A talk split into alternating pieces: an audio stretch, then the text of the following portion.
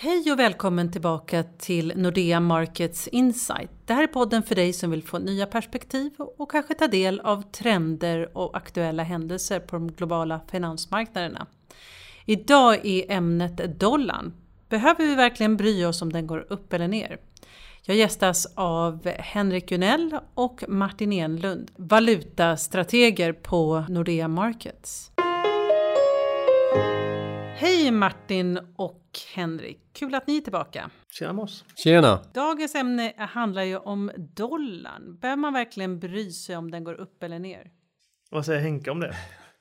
Jag säger i synnerhet ett rungande ja på den frågan. Jag skulle hävda att det är det viktigaste priset som vi har där ute i finansmarknaden för tillfället utifrån många olika aspekter. Men låt mig nämna en bara inledningsvis när vi pratar om den här emerging markets oron och turbulensen som vi har för närvarande så är den betingat av den starkare dollar. Det är embryo till nuvarande stress i marknaden.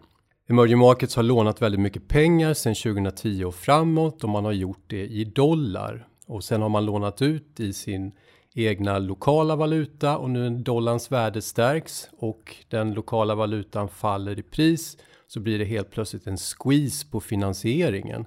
Och eh, den här skulden som man har byggt upp blir betydligt dyrare att, att finansiera samtidigt som intjäningen på grund av att råvaror faller eh, emerging markets är råvaruexportörer, mindre pengar in, så man, man squeezas från två, från två håll egentligen.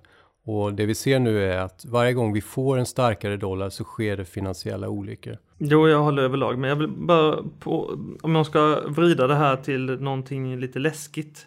Um, nu sa ju Henrik eh, finansiella olyckor, det låter ju läskigt nog. Men 2007 kan man säga att på sommaren 2007 så insåg världens finansmarknaden att nu var det slut på ett tidevarv med billiga pengar. Uh, och sen bara rullade en, en någon slags lite otäck boll fram över finansmarknaderna och det ledde till den ena olyckan efter den andra. Och det finns vissa tecken på att eh, 2014 så insåg marknaden, som Henrik beskriver, att ja, nu är det slut på billiga dollar. Uh, och då ska den här bollen rulla och då finns det just nu en del som tror att bollen kanske har rullat klart. Det är lite lättnad i marknaden, börserna är glada, emerging markets-valutorna kommer tillbaka. Men det hänger ihop med att Fed har varit mjuka och Fed säger att ja, men vi är inte lika sugna på att höja räntan och det blir lite lättnad. Men någon gång kommer vi ju till ett läge där Fed kommer säga ja, men nu är det ändå dags att höja räntan och då kan man lätt komma tillbaka i någon slags turbulens liknande, turbulens liknande det vi såg för några månader sedan.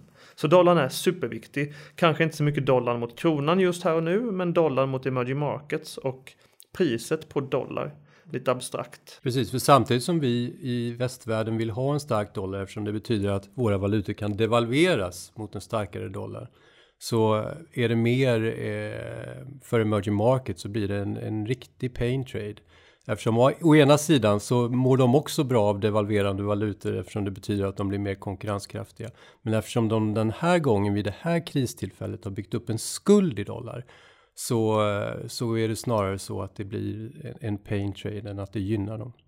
För i somras så diskuterades det ju spaltmeter i media och finansproffs som ni pratade om att Fed nu skulle höja den amerikanska styrräntan. Men så avstod de i alla fall i september. Men nu har de ju en ny chans i december. Hur ser ni på det? Kommer det bli en höjning eller kommer det fortsätta som det är? Ja, vad, vad, ska man säga här? Eh, Nordeas ekonomer tror att det blir en höjning i december, men den här synen är betingad på att det blir ett rejält drag i USAs konjunktur här och nu och att oron kring emerging markets kommer lägga sig. Marknadens dom är att det är eh, bara 30 procents sannolikhet att Fed höjer räntan i december.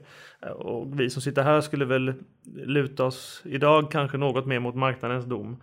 Eh, men får vi in lite bra data så kommer marknadens bedömning förändras och då kanske vi kan få en höjning i december ändå.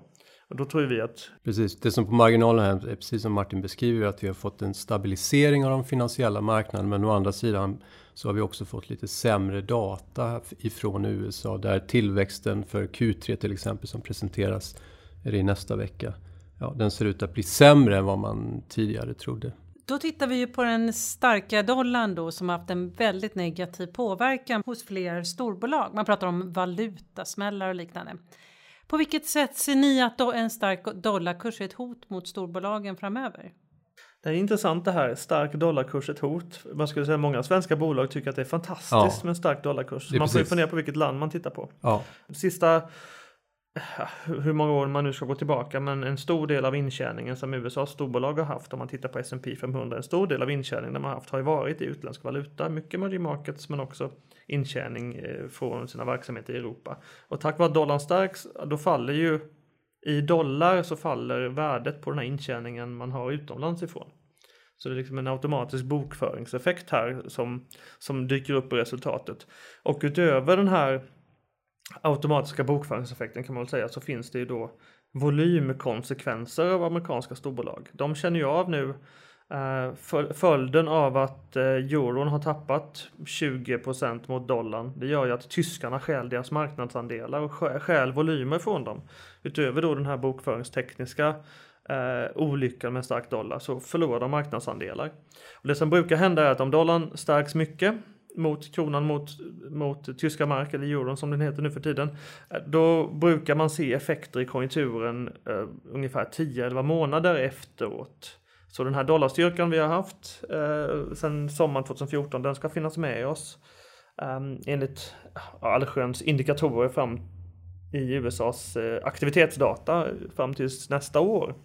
Sen börjar det vända och bli lite bättre för USA igen. Och det ser man ju att PMI, det vill säga inköpschefsindex till exempel för tillverkningsindustrin i, i USA, den är svag runt 50-strecket. Och det är ju lite grann ett tecken på att naturligtvis att konkurrenssituationen har försämrats och det grövsta för amerikanska storbolag. Och förbättrats för svenska. Ja, förbättrats för de svenska.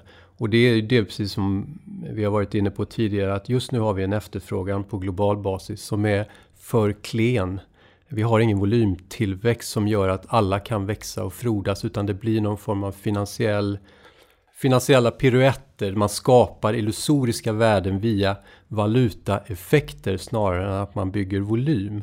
Och den enes bröd den andres död, precis som Martin säger. Det blir, det blir ju naturligtvis en effekt på amerikanska bolag negativ och på svenska bolag positiv. Tar man ett helikopterperspektiv på den här eh, effekten som beskrivs så kan man säga att världen i stort har eh, kan liknas vid en penningpolitisk karusell där allting bara snurrar omkring. Uh, ena året så är det USAs centralbank som sänker räntan och trycker pengar och lever runt och då tappar dollarn kraftigt. Och då får man kanske 12-15 månaders eh, stöd till sin tillväxt, till sina företag, till sin inflation tack vare att man lyckades få till stånd en sån här dollartapp. Eh, Men det här märker ju européerna av.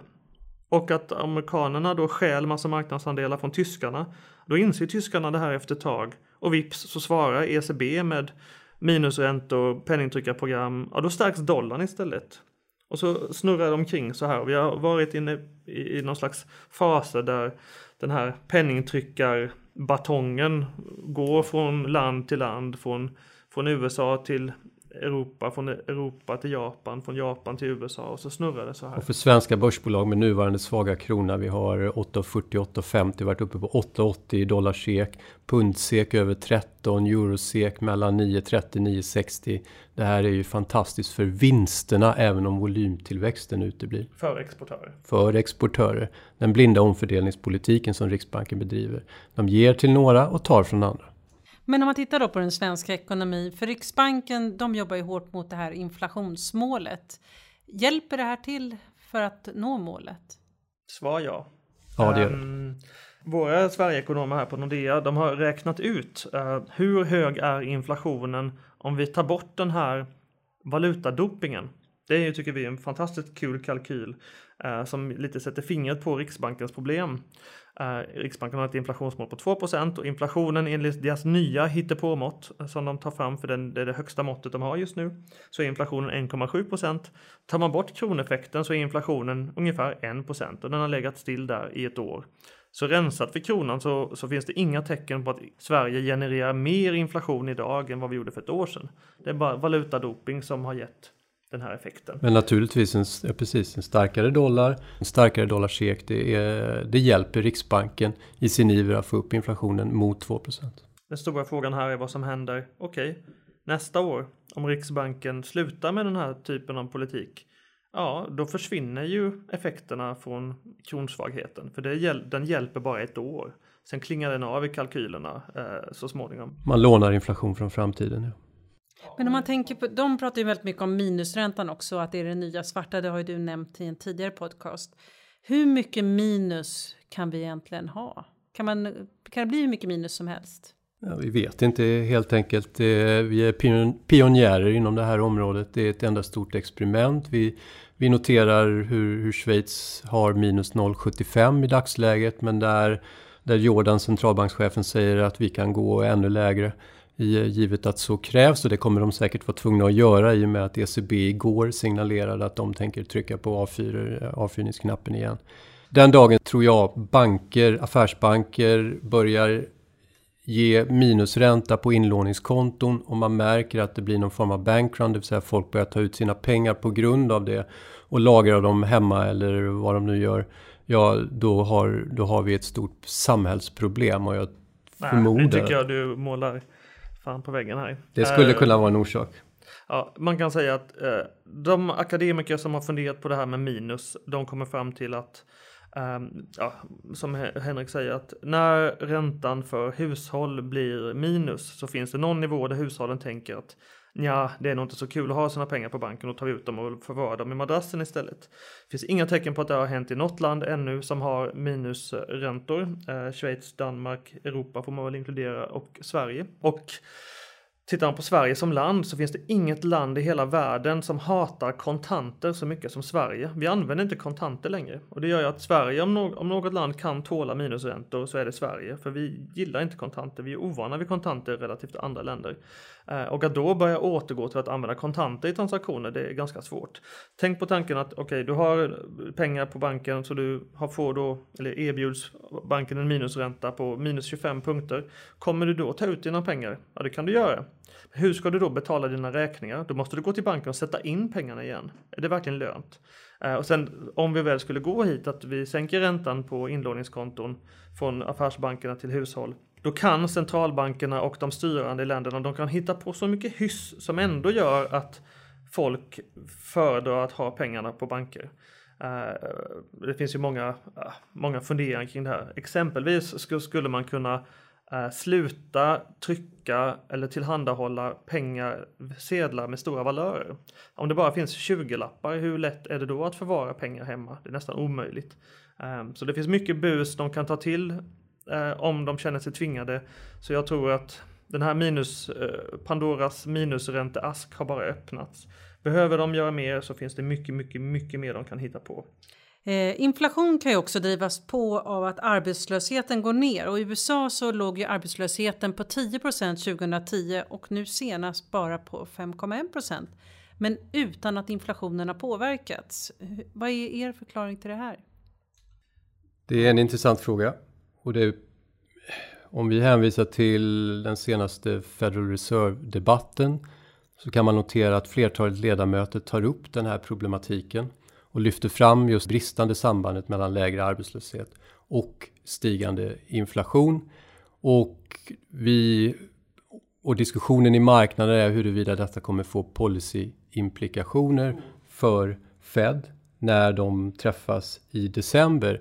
Är det så att arbetslösheten är en dålig proxy för vad som ska hända med inflationen i framtiden eftersom det finns säkerligen flertalet ledamöter, däribland eventuellt Yellen och den eh, tunga Fischer som tror på det här historiska sambandet mellan en lägre arbetslöshet och en stigande infla inflation.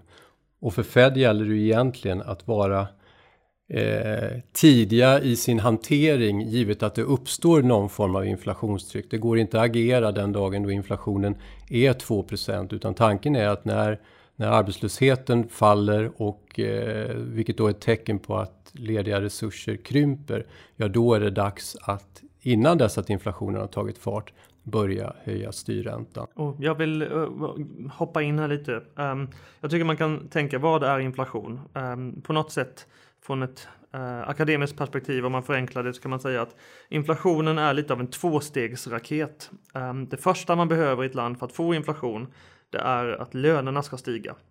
Eh, och det ser vi lite tecken på i USA. Lönerna har faktiskt stigit, de tar lite fart men inte alls så mycket fart som man kanske hade hoppats. Så lönebiten verkar komma på plats men senare och mindre än, än, ja, än normalt kanske man kan säga.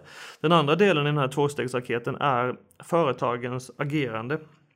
Här finns det intressanta eh, saker att säga om Riksbanken till exempel. Så om lönerna stiger, då stiger företagens kostnader. Betyder det att det blir inflation? Det behöver det inte göra. Det har att göra med hur företagens marginaler utvecklas.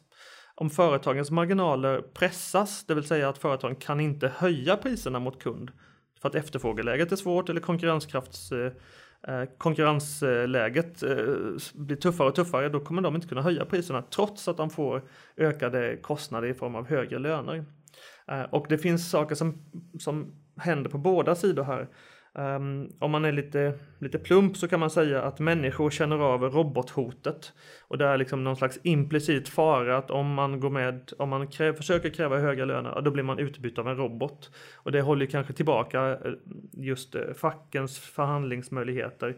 Man ser liknande dynamik i hela världen tror jag att eh, ja, för, folk för, organiserar sig inte på samma sätt i lika hög grad och spelar inte lika Men det du pratar om egentligen är en global Philipskurva. Så länge vi inte har egentligen ett, en, ett global, en global arbetslöshet som faller, det har vi inte just nu, utan vi har egentligen en global arbetslöshet som stiger. Ja, precis det som Martin säger egentligen. Globaliseringen har gjort att eh, svenska jobb, svenska tjänstesektorjobb, svenska tillverkningsindustrijobb konkurrensutsatts i större grad av eh, givet, givet den världsbild som vi lever i idag. Möjligheten att höja löner eh, i den typen av väder. det är svårare helt enkelt. Svårare än förr ja. Och samtidigt sett, tittar man på den andra delen i den här inflationsraketen, konstiga metaforer jag vet, men där får man fundera så vad händer med företagens möjlighet att höja priserna när du har hela den här eh, åtstramningen av konkurrensen generellt sett som internet ändå medför. Min gissning är att eh, väldigt många företag utsätts för ständiga konkurrenskraftschocker som gör att det blir tuffare och tuffare för dem att höja priserna och då pressas marginalerna eh, istället för att inflationen kommer upp. Så det är både globaliseringens effekt på arbetskraftens möjlighet att eh, tillskansa sig högre löner och globaliseringens effekt som gör att det blir svårare för företagen att tillskansa sig eller bibehålla sina marginaler som håller inflationen lite lägre än vad annars skulle ha varit överallt. Ja, strukturella krafter, så vi pratar om en låginflationsvärld långt fram i tiden. Spännande! Tack för idag. Jag tror att vi får anledning att komma tillbaka och diskutera flera av de här ämnena i kommande poddar. Tack och hej. Tack. Tack för att du har lyssnat. Om du vill ha mer information går det bra att besöka nordea.se markets. Du kan också prenumerera på våra nyhetsbrev. Vi är tillbaka nästa vecka med Martin Guri. Välkommen!